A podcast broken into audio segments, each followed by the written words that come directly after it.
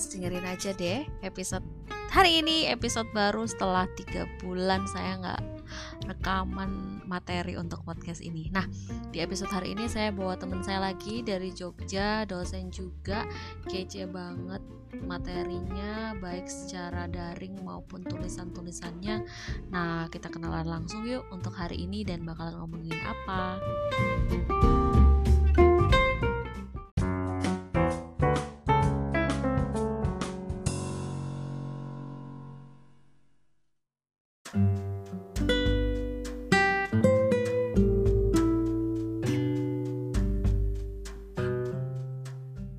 Seperti di opening tadi saya sudah menyampaikan bahwa saya punya narasumber atau kontributor kece malam hari ini.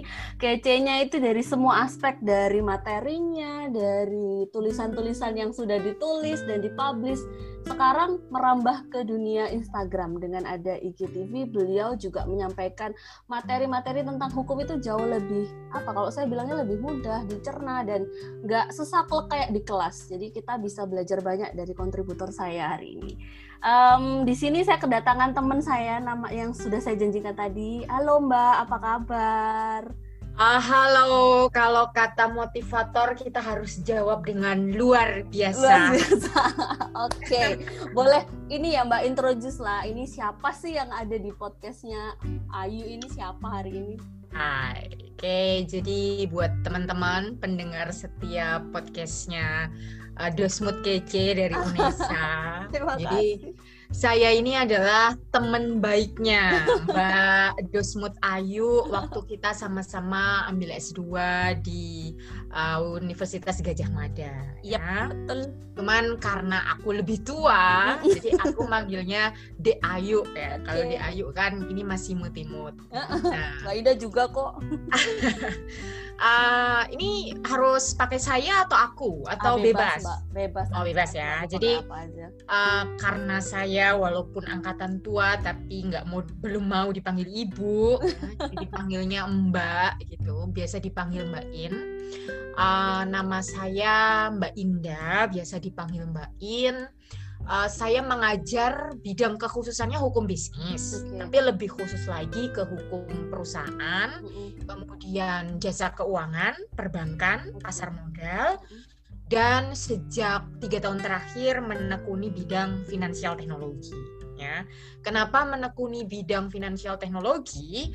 Karena dari segala yang saya ikuti dan saya dengar mulai dari online short course yang saya ikuti di dalam dan di luar negeri memang tidak hanya akademisi bahkan praktisi hukum pun di luar negeri sono di Amerika di Eropa banyak banget yang uh, puter balik alah puter arah dari lawyer dalam tanda kutip yang biasa kita kenal misalnya lawyer perbankan pindah ke lawyer finansial teknologi. Okay. Nah, saat ini saya mengajar di Universitas Islam Indonesia Jogja. Jadi itu perkenalan dari saya. Usia nggak usah ya. Oke, okay, nggak pak.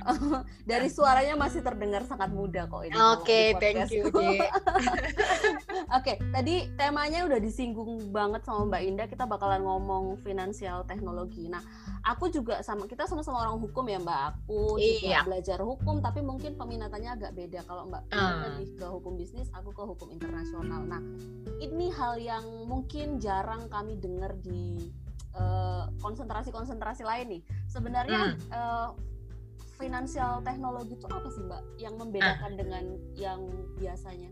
Oke, jadi uh, saya akan sedikit ya, saya atau aku gitu ya, saya akan sedikit menjelaskan uh, secara historis dulu okay. uh, bagi teman-teman yang masih awam supaya tidak bingung ya. Jadi finansial teknologi itu dari asal kata atau istilahnya kan terdiri dari dua istilah ya, financial and technology.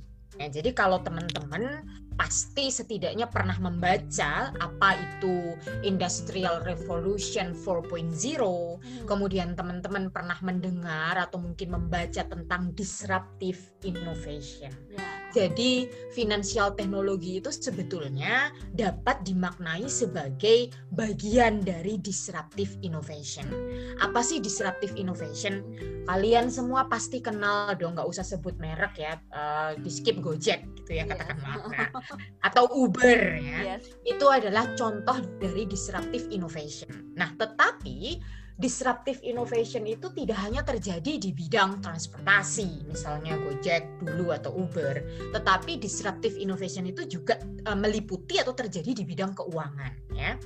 Jadi kalau dulu uh, saya ambil contoh Indonesia, ya, Indonesia dan negara berkembang yang lain, ambil contoh Indonesia berdasarkan data Bank Dunia di tahun 2010 indeks inklusi keuangan. Indeks inklusi keuangan itu maksudnya gini loh. Di tahun 2010 ternyata dari seluruh jumlah penduduk Indonesia yang dewasa itu kurang dari 30% yang bisa mengakses layanan jasa keuangan formal. Nah, artinya tidak, uh, baru sebagian sangat kecil dari penduduk Indonesia di usia dewasa itu yang bisa akses ke layanan jasa keuangan formal. Misalnya apa? Bisa akses ke bank misalnya atau punya uh, rekening atau akun di bank. Itu kurang dari 30%. Nah, persoalannya di mana sih kalau teman-teman membaca atau atau mungkin mendengar ya tentang perbankan atau bank itu kan sebenarnya fungsi utamanya adalah meningkatkan taraf hidup Bayangkan kalau orang nggak punya duit, orang usaha terpentok modal nggak punya duit, atau nggak usah usaha deh, orang kuliah nggak punya duit ya, atau duitnya habis, mereka kan butuh pendanaan ya. ya nah, betul. kalau dulu sebelum finansial teknologi itu menemui boomingnya sekarang ini, seiring dengan industrial revolution 4.0, di mana semua orang bisa pegang internet, dulu kan orang mengakses modal itu pasti yang ada di pikiran adalah ya kalau nggak gadein barang ya pinjam ke bank Orang kan pikirannya begitu ya. iya, ya. Nah, ketika memasuki bank ya tidak tidak mudah tentunya karena bank sebagai lembaga keuangan formal itu terikat dengan serangkaian prinsip yang memang ditentukan oleh undang-undang harus hati-hati dan seterusnya.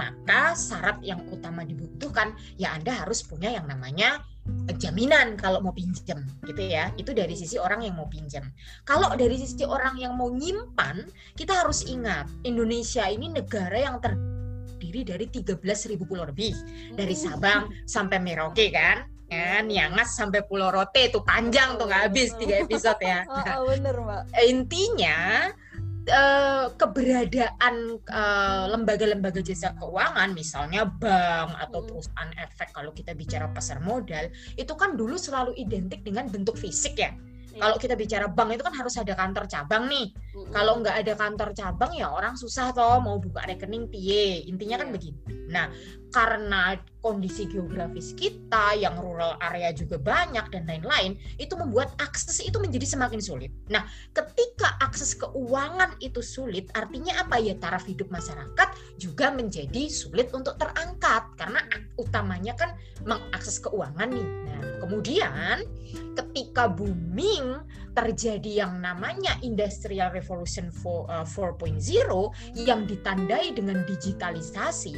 Nah, ini nih mulai menemukan uh, momentumnya nih. Oh, ternyata inovasi-inovasi yang sifatnya menggeser atau mendisrupsi itu nggak cuma di bidang transportasi, ternyata ada bidang lain yang ceruknya sangat amat menjanjikan dan dibutuhkan bidang apa? Bidang keuangan. Kenapa nggak kita garap saja nih perusahaan-perusahaan teknologi? Gimana caranya mempertemukan orang yang punya duit dengan orang yang butuh duit?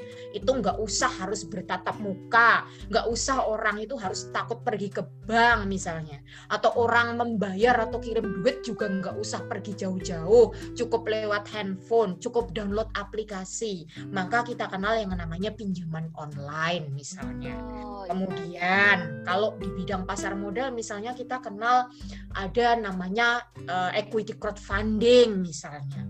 Terus kalau teman-teman tahu ya pengumpulan-pengumpulan donasi yang tinggal klik itu Misalnya ada social campaign, orang sakit, Anda bisa sedekah tinggal satu ketikan iya, jari. Ya, benar, betul, betul. Ya kan? Itu pun juga bisa. bayarnya pakai bayarnya pakai aplikasi yang sama juga. Iya, Jadi one stop one stop service application. Nah, itu semualah yang disebut dengan finansial teknologi. Jadi pada intinya finansial teknologi itu adalah pemanfaatan aplikasi teknologi modern ke dalam bidang jasa keuangan. Tujuannya supaya menjadi lebih mudah diakses. Itulah fintech.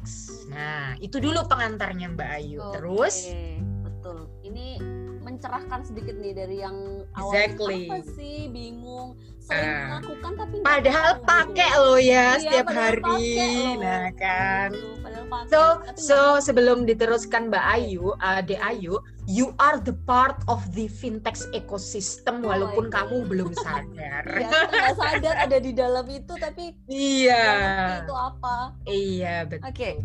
Oke. Terus, em, kalau itu tadi kan perkembangan karena ada perkembangan eh, di dunia teknologi dan lain sebagainya mengakibatkan orang mulai berpikir bahwa eh, kalau terus-terusan harus nunggu kantor cabang nggak bisa nih orang bakalan dapat modal cepet. Kan kalau di masa sekarang itu semuanya serba cepet Iya. uang cepet nggak harus lewat eh, ATM bisa lewat HP Betul. klik klik klik klik klik masuk Iya. kirim ke mana-mana nah Betul. Eh, itu susah nggak sih Mbak berkaitan dengan regulasinya di Indonesia? Kita tahu Nah, di Indonesia oke. kayak gimana itu sistem hukum? sekarang kita mulai masuk nih. Tadi kan kita cerita nih background bisnisnya ya.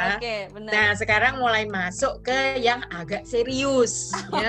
Serius tapi tidak usah dianggap susah. Betul. Karena hukum itu sejatinya seni. Saya selalu bilang ke adik-adik mahasiswa law is an art. Jadi seni ya tinggal gimana kita memformulasikan. Kalau mau dibikin susah ya susah, mau dibikin simple ya simple. So, mari kita buat sesuatu yang terlihat susah ini menjadi simple, ya. Oke, fintech itu sendiri di Indonesia ya, ini kan berarti bagian dari sektor jasa keuangan gitu Iya. ya. Jadi finansial teknologi itu masuk ke dalam bidang atau sektor jasa keuangan. Maka kita harus tahu dulu sektor jasa keuangan itu di Indonesia yang ngatur siapa sih? Kan gitu. Yang mengatur atau regulatornya ada dua. Pertama adalah Bank Indonesia, itu regulator dan pengawas dari sisi makro ya. Sedangkan untuk sisi mikronya itu ada otoritas jasa keuangan. Supaya Anda tidak pusing membedakan makro dan mikro, saya akan tinggalkan itu tapi saya akan langsung kasih contoh yang paling mudah dekat dengan kehidupan kita. Oke. Kalau tadi De Ayu menyebut misalnya pembayaran digital atau pembayaran elektronik. Nah, sistem pembayaran itu tunduk pada pengaturan oleh Bank Indonesia. Jadi regulasinya khusus untuk fintech di bidang pembayaran itu ada di Bank Indonesia, regulator dan pengawasnya. Nah, kalau fintech jenis yang lain, misalnya saya beri contoh yang paling booming aja ya, pinjaman online Oke. atau peer to peer lending Ya, betul. atau dikenal di dalam POJK 77 2016 itu namanya agak panjang ya. Layanan pinjam meminjam uang berbasis teknologi informasi. Ya LP ah, LPMUBT disingkat pinjaman online. Nah itulah ya. Bahasanya orang awam. Iya. itu tunduk di aturan atau ketentuan pengaturan dan pengawasan OJK. Sebenarnya ada satu lagi, equity crowdfunding. Equity crowdfunding itu eh, pendanaan usaha UMKM dengan cara membeli saham tetapi tidak melalui mekanisme bursa atau melalui pasar modal yang selama ini kita kenal. Nanti teman-teman misal bisa buka contohnya tuh di web misalnya Santara atau Bizar. Itu contoh eh, dua penyelenggara yang berizin ya. Apa sih itu equity crowdfunding? Intinya kalau teman-teman pernah jajan di Yami Panda misalnya Oke. atau teman-teman pernah jajan di soto Pak uh, Sop Pak Min ya kalau di Jogja atau Klaten. Nah, Ya. itu dua contoh perusahaan yang mencari dana dengan cara menerbitkan saham melalui equity crowdfunding. Nah, itu diatur oleh OJK. Itu itu tiga contoh yang uh, ada di Indonesia, eksis dan berkembang dan ada aturannya. But di luar itu cakupannya sangat amat banyak. Artinya fintech itu akan hidup seiring dengan inovasi teknologi atau inovasi keuangan. Sehingga OJK juga uh, punya aturan untuk supaya inovasi-inovasinya itu nggak mati deh. Ada namanya POJK tentang inovasi keuangan digital. Itu nanti tinggal dibaca. Sehingga kalau ke depan ada kemungkinan muncul lagi, misalnya akan ada fintech yang berkaitan dengan um, uang kripto atau cryptocurrency dan lain-lain, itu nanti supaya dalam tanda kutip nggak liar, tapi ada uh, rambu-rambu aturannya di POJK tentang inovasi keuangan digital. Intinya kayak gitu.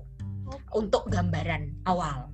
Iya, gambarannya aja udah seribet uh, apa ya kalau bayangin tuh kayaknya rumit ya mbak tapi kalau sebenarnya pelajarin satu-satu aturannya itu kayak ada yang bisa diuraikan kan sebenarnya iya uh, betul diur jadi kayak masalah gojek masalah kalau ya. tuh aku tuh mikir gini mbak kok di Jogja, di Klaten, di Malang pun tuh ada sop ayam Pak Min. Surabaya tuh yeah. banyak juga cabangnya. Yeah.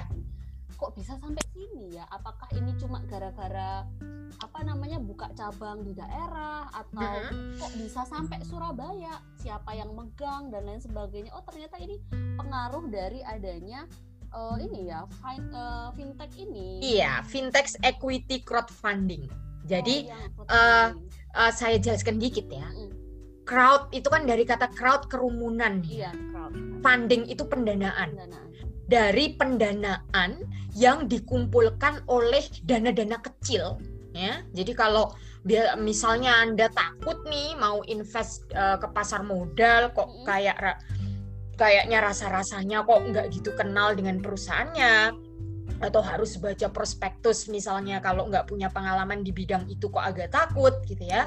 Terus mau mendanai misalnya UMKM yang ah gue sering jajan di Pak Min kok Kenapa nggak diubah perspektifnya? Jangan cuman main ke jajan ke tempat Pak Min, tapi sekali-kali kalau ajak gebetan bilang dong, gue ajak nih ke usaha gue, gue punya saham di sini kan uh, doesn't matter lo punya berapa persen atau berapa lembar yang penting kan anda punya saham di tempat uh -uh. makan tempat anda ngajak gebetan anda itu. Betul. Nah kira-kira seperti itu. Jadi mendanai sesuatu yang besar ketika itu di di apa ya dikerubungi alah hmm. atau gotong royong banyak hmm. orang itu kan akan menjadi lebih ringan nah kira-kira itu yang disebut dengan equity crowdfunding Anda tetap beli saham punya saham hmm. karena bentuknya dia PT berarti Anda adalah pemegang saham hanya karena yang dibiayai itu masih uh, UKM hmm. maka ketentuannya pun tidak serigid yang ada di undang-undang pasar modal kira-kira seperti oh, Oke, berarti Jadi, beda Iya, selalu pegang intinya bahwa finansial teknologi itu pasti satu ada inovasi. Okay. Yang kedua, pasti mengejar efisiensi atau kemudahan akses. Itu dua intinya. Oke, okay, berarti antara uh, hanya dua itu ya Mbak jadi kata kunci iya. kalau ngomong uh, financial teknologi. Nah, tadi udah nih ya sejarahnya kayak gimana, terus aturan regulasinya itu jelas dibedakan. Ada yang dari BI dan ada yang dari OJK. Nah, ini kan masing-masing punya uh, pengaturannya sendiri dengan aturan yang sudah ada sudah dirasa cukup apakah udah cukup sih mbak untuk ngatur uh, perkembangan finansial teknologi nah, sebenarnya aturan sekarang itu. sekarang mulai masuk nih ke tadi sudah agak berat dikit sekarang beratnya agak ditambah dikit lagi nggak berat-berat banget okay, ya okay. tapi beratnya ditambah dikit lagi ya mhm. sekarang kita masuk ke asas hukum nah, okay. kan tadi belum belum keluar nih asasnya iya, jadi ini yang penting dari orang hukum nah, tuh ya itu iya nah uh, teman-teman nih pasti di semester 1 hukum kuliah pengantar hmm. ilmu hukum itu pernah mendengar asas ubi societas ibius. Iya, okay. Di mana hukum itu hidup bersama-sama dengan masyarakat. Betul. Artinya hidup uh, hukum itu tumbuh bersama-sama dengan masyarakat. Tetapi di sisi lain kita juga memahami bahwa hukum itu tidak mungkin. Ini dalam konteks Indonesia ini kan sistem hukumnya masih kental civil law ya. Civil law benar. Jadi masih kuat banget ketentuan hukum tertulis dan kalau bisa itu hukum dikodifikasi kan Betul. gitu ya. Nah, kelemahannya menjadi hukumnya tertatih-tatih di berdasarkan peristiwa konkret ya. Hetrehing achter de feiten an bahwa hukum itu berjalan terpincang-pincang di belakang peristiwa konkret. Ini hmm. ada Giong udah berapa abad yang lalu. Betul, nah sekarang apalagi nih kita dihajar dengan perkembangan teknologi yang setiap saat teknologi baru itu bisa berkembang. Mungkin kalau teman-teman nih tak kasih sedikit saja ya biar agak keren uh, sedikit pem, uh, istilah teknologinya biar kamu bisa gaya-gayaan sama teman-teman kamu. Karena tiap hari kita pakai. Nih contoh, nih contoh Zoom nih. Tahu nggak ini teknologi apa yang dipakai nih Zoom ini? Teknologi yang dipakai di dalam Zoom itu cloud computing. Mm-hmm. Itu juga salah satu teknologi yang uh, dipakai di dalam financial teknologi. Mm-hmm. Kalau teman-teman misalnya pernah nggak sih kamu buka Instagram, misalnya kamu suka sneaker nih, atau mm-hmm. di Ayu misalnya suka baju atau mm-hmm. sepatu flat gitu ya, mm-hmm. kamu buka-buka Instagram itu. Setelah kamu keluar nih, di feed uh, bukan di suggestion kamu atau di home kamu akan keluar nih ya sesuatu yang mendekati dari apa yang sering kamu buka. Iya benar mbak. Jadi kayak komputer tuh baca pikiran kita gitu kan. Exactly. Itu disebut dengan teknologi machine learning, bagian dari artificial intelligence atau kecerdasan buatan. Mm-hmm. Pernah nggak juga misalnya kamu lagi jalan ke mall misalnya, kok tahu ya si uh, Burger X dapat uh-huh. SMS ya. Iya bener loh, banyak masuk, banget ada ya kan? promo-promo kayak Wih, gitu. Ajaib nih kan gue disuruh jajan. Nah, itu adalah salah satu juga teknologi yang ditanam uh, berdasarkan juga itu ada kaitannya dengan big data. Panjang nih nanti kalau cerita teknologi. Teknologi yang dipakai di bidang uh, finansial teknologi. Artinya dari situ saya mau katakan ini ada tantangan besar nih tidak hanya buat regulator di Ayu, bagi kita semua yang belajar hukum nih.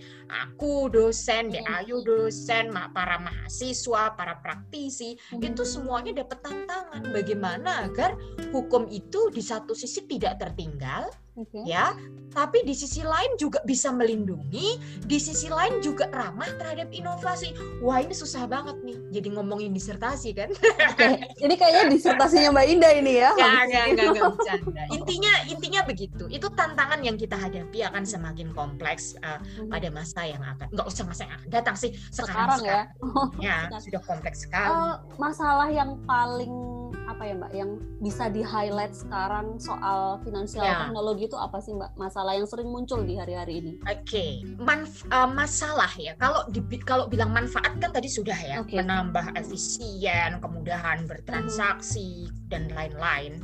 Dan jangan lupa, finansial teknologi di Indonesia itu berdasarkan data OJK terbukti meningkatkan indeks inklusi keuangan kita. Kalau tadi uh, saya cerita di 2010 itu kurang dari 30 persen, 2019 itu sudah 76 persen. Wah naiknya hampir ini ya? Naiknya sangat signifikan, Benar. melebihi uh, target pemerintah. Kenapa? Karena akses terhadap jasa keuangan dalam sentuhan jari dengan menggunakan smartphone. Itu manfaatnya. Hmm. Di, di sisi lain, karena kita bicara fintech itu kan teknologi ya. Hmm. Teknologi itu pasti bers, bersisi dua. Satu memberikan manfaat, satu tidak terlepas dengan risiko. Nah, hmm. ini DAYU urusannya orang hukum itu. Bagaimana meminim, meminimalisasi risiko yang dihadapi oleh orang yang lebih lemah? Karena kan fungsi hukum itu mengatur dan melindungi toh. Nah, siapa yang lebih lemah? Ingat walaupun indeks inklusi keuangan kita itu 76% lebih tapi kabar tidak baiknya indeks literasi keuangannya masih rendah Wah. dalam bahasa mudah orang gampang klik klik klik orang mengakses segala macam mudah tapi nggak tahu nah itu tadi loh oh, ya okay.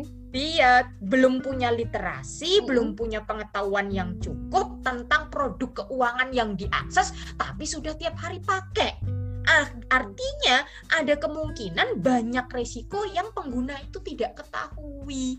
Nah, itu salah satu dari persoalan yang setidak-tidaknya dekat dengan kehidupan kita bisa di-highlight. Saya beri contoh konkret kasus di bidang itu.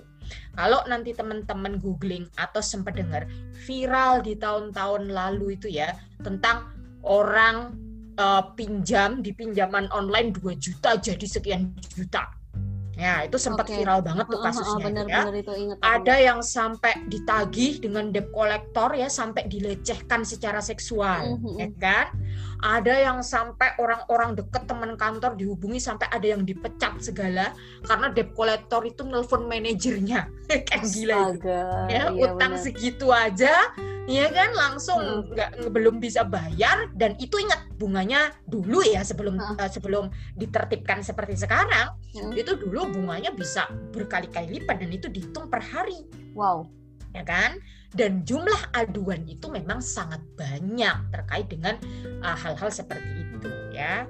Ya secara hukum mereka dalihnya adalah Anda ini kan kita ini kan kebebasan berkontrak ya. Take it or leave it. Ada kontrak standar ya ketika anda klik aplikasi itu artinya anda setuju dengan kewajiban-kewajiban itu. Padahal karena literasinya rendah orang mana paham butuh iya. duit kontrak standar apa akhirnya klik aja nah itu salah satu yang bisa di highlight jadi uh, dan yang paling dekat dengan kehidupan kita tentang sisi lain dari uh, kemajuan finansial teknologi yang sedang sangat seksi di mata dunia sih nggak hanya iya. Indonesia. Benar soalnya kan kalau lagi buka apa ya Mbak YouTube gitu ya kadang-kadang iklannya uh. kan pinjaman uh, tertentu iya, itu uh, da cair dalam waktu berapa jam. Masa aku nah.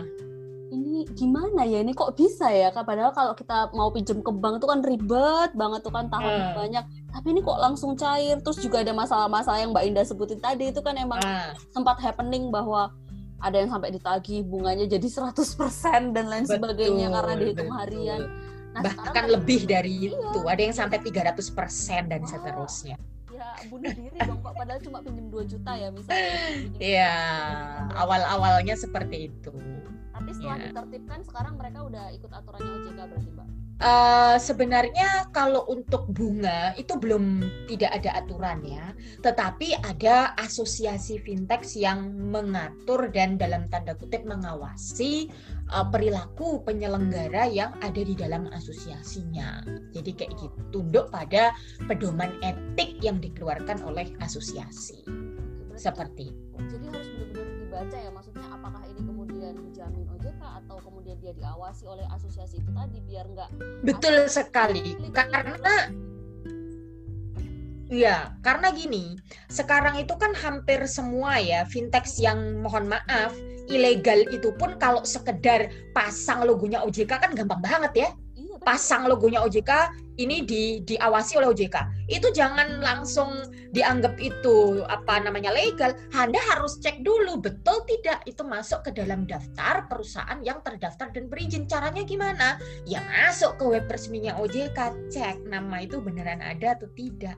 Surat apa izinnya nomor berapa, terbit kapan. Nah, itu cara yang paling simple yang bisa dilakukan untuk lebih meningkatkan uh, literasi terhadap keuangan. Nah, seperti itu ngomong fintech ini lama-lama. Apakah uh. akan bergeser ke fintech habis ini? Nah, kita lihat nanti ya. Jangan-jangan gara-gara lihat Mbak Indah terus ngomong fintech jadinya aku ikut beralih haluan ini sepertinya. Padahal yang aku bahas nggak cuma fintech loh. Tadi barusan aku bahas tentang PT juga. oh iya, yang baru barusan ya Mbak yang PT gara-gara itu tuh undang yeah. yang baru lahir. Iya. Yeah. Cuma cuma saya mau minta maaf juga nih di podcastnya Ayu karena besok saya juga minta podcastnya buat disebar ke teman-teman saya juga ya boleh ya? Oh jelas boleh dong Mbak pasti boleh nanti. Enggak saya mau saya Uh, saya mau menjawab juga nih sekaligus minta maaf. Saya minta maaf. Saya itu memang punya kode etik, tidak bisa berteman di IG dengan mahasiswa aktif.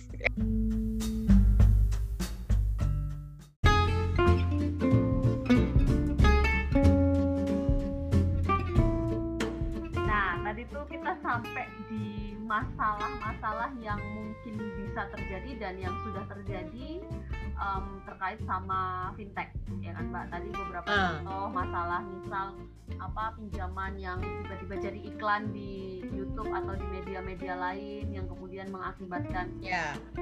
adanya bunga yang lebih daripada biasanya terus mm. nah, masalah-masalah kayak gitu nah sebenarnya masa depan fintech di Indonesia ini bakalan seperti apa sih Mbak? Karena regulasi tadi kita udah bahas uh, karena Indonesia Civil Law hukumnya seperti tertinggal di uh, di hadapan masalah-masalah yang terjadi atau fakta yang ada atau masalah yang ada itu bakalan seperti apa Mbak perkembangan fintech di masa yang akan datang? Uh, uh, pertanyaannya dari DI berat banget ya. Enggak lah Mbak, buat masa berat banget untuk menerawang ya masa depan sesuatu gitu okay. ya enggak jadi saya akan mencoba menjawab dari data ya karena kita ini adalah orang yang basisnya saintifik atau kita ini saintis kan harus saintifik ya. Jadi berdasarkan penelitian-penelitian yang sudah dilakukan oleh lembaga-lembaga internasional, misalnya oleh Financial Stability Board, kemudian oleh World Bank, kemudian oleh OECD misalnya, itu memprediksikan bahwa finansial teknologi itu sekarang bahkan perkembangannya itu belum sampai 10%. Artinya kalau bicara finansial teknologi itu akan berkembang seiring dengan perkembangan teknologi itu sendiri gitu ya. Jadi perkembangan teknologi itu akan seperti apa? Ya seperti itu juga perkiraan perkembangan fintech di masa yang akan datang. Sekarang supaya lebih nggak absurd, lebih uh, lebih lebih clear, kita lihat di Indonesia saja, ya.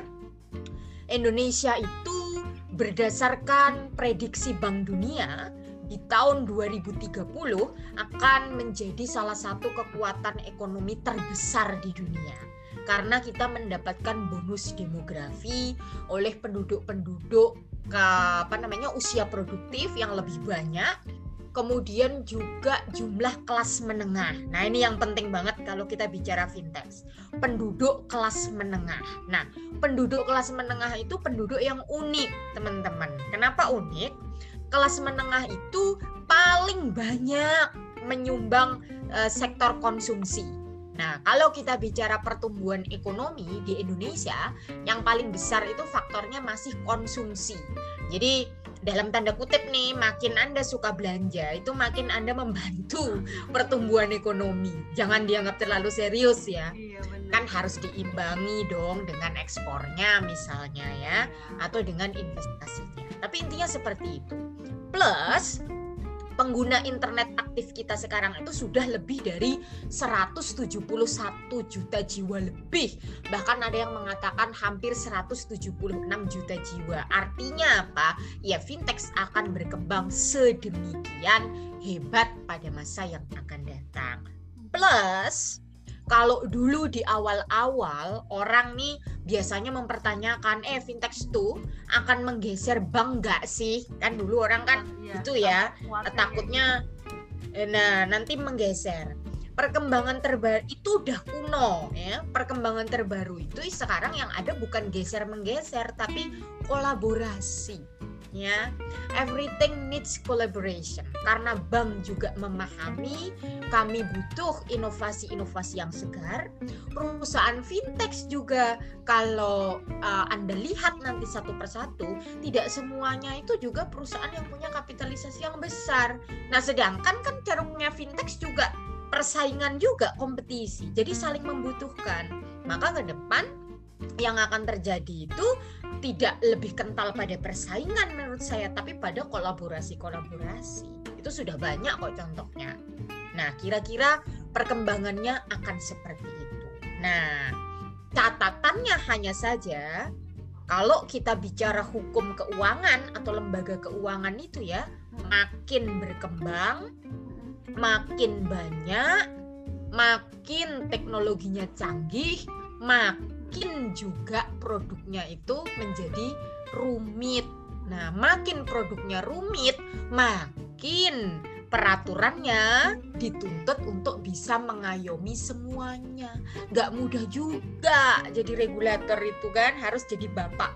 Kalau istilah dosen senior zaman dulu itu jadi bapak rumah tangga yang baik ya melindungi uh, masyarakat juga melindungi perusahaan dan inovasi juga. Jadi itu tantangannya kira-kira seperti itu. Oke, berarti bakalan ini masih 10% udah kayak gini ya mbak? Ini masih 10% bahkan ada yang mengatakan kurang dari itu. Wow kalau pasti kurang dari 10% udah kayak gini kita bisa bayangin nanti jadi sampai 50 itu bakalan secepat apa sih orang uh, apa ya nanamin modal atau mau pinjam uang atau mau bertransaksi dalam hal keuangan apa pun itu akan lebih cepat dari yang sekarang. Sekarang aja Betul. mungkin uh, uh, sekarang aja mungkin nggak banyak orang juga yang masih bisa ngikuti. Mungkin juga ya tadi itu karena literasinya soal keuangan itu yang belum bagus. Jadinya masalah-masalah itu datang dengan sendirinya karena dia tidak membaca dan lain sebagainya.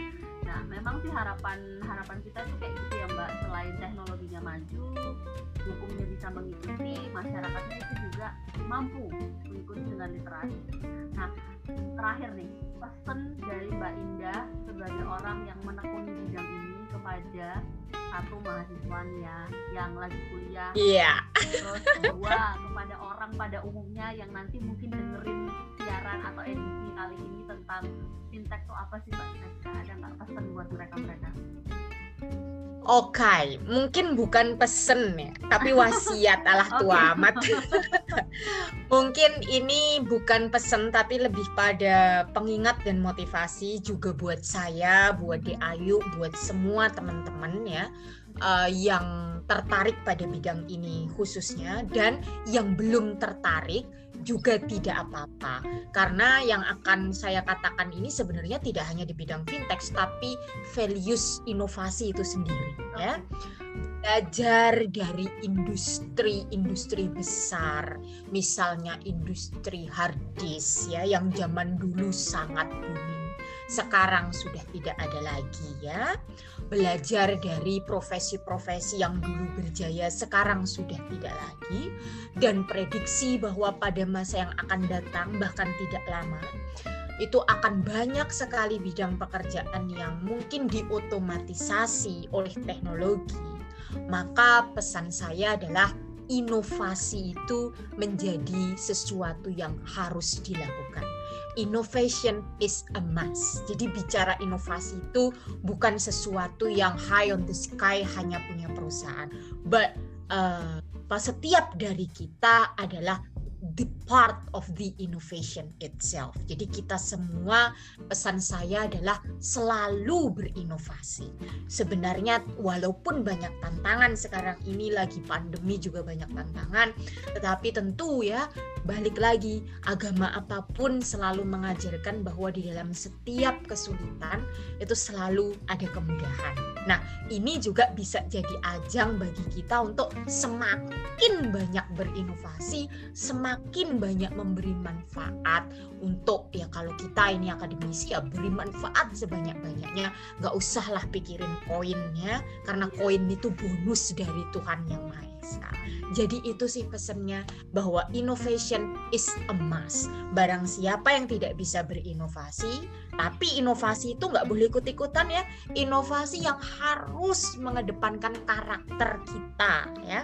Itu pasti akan membuat kita menjadi orang yang setidak-tidaknya bermanfaat dan dikenal di dalamnya setidaknya lingkup lingkungan kita. Syukur-syukur bisa dikenal atau memberi sesuatu untuk masyarakat luas bangsa dan negara. Itu Ayu. Terima kasih Mbak Indah atas waktunya di sela-sela sama-sama. Semoga sama-sama. Amin. Amin ya Allah. Dan semoga uh, doa buat di Ayu juga sama. Semoga kapan-kapan pas kita bisa ketemu, mungkin aku ke Surabaya okay. atau mungkin di Ayu yang pas di Jogja, kita pasti harus ketemu nih, bikin podcast beneran. Ketemu okay, ya. Iya, betul, betul. Yang ketemu, ketika yang ketemu ketika ya, iya, ketika sudah tidak pandemi, kita doa iya, sama-sama. Okay. salam buat semua teman-teman di UNESA. Salam sehat, salam sukses. Oke, terima semuanya. kasih Mbak Eda, Mbak Indah nanti sama-sama sama teman-teman semua. Thank you for Yap. coming and mau berbagi sedikit tentang Selalu teknologi. Mau. Iya, bahagia sekali. Iya. Makasih Mbak Indah. Sampai ketemu lagi ya, Mbak. Sama-sama, Dek Ayu. Dadah. Selamat berlibur. Iya, selamat liburan juga, Mbak.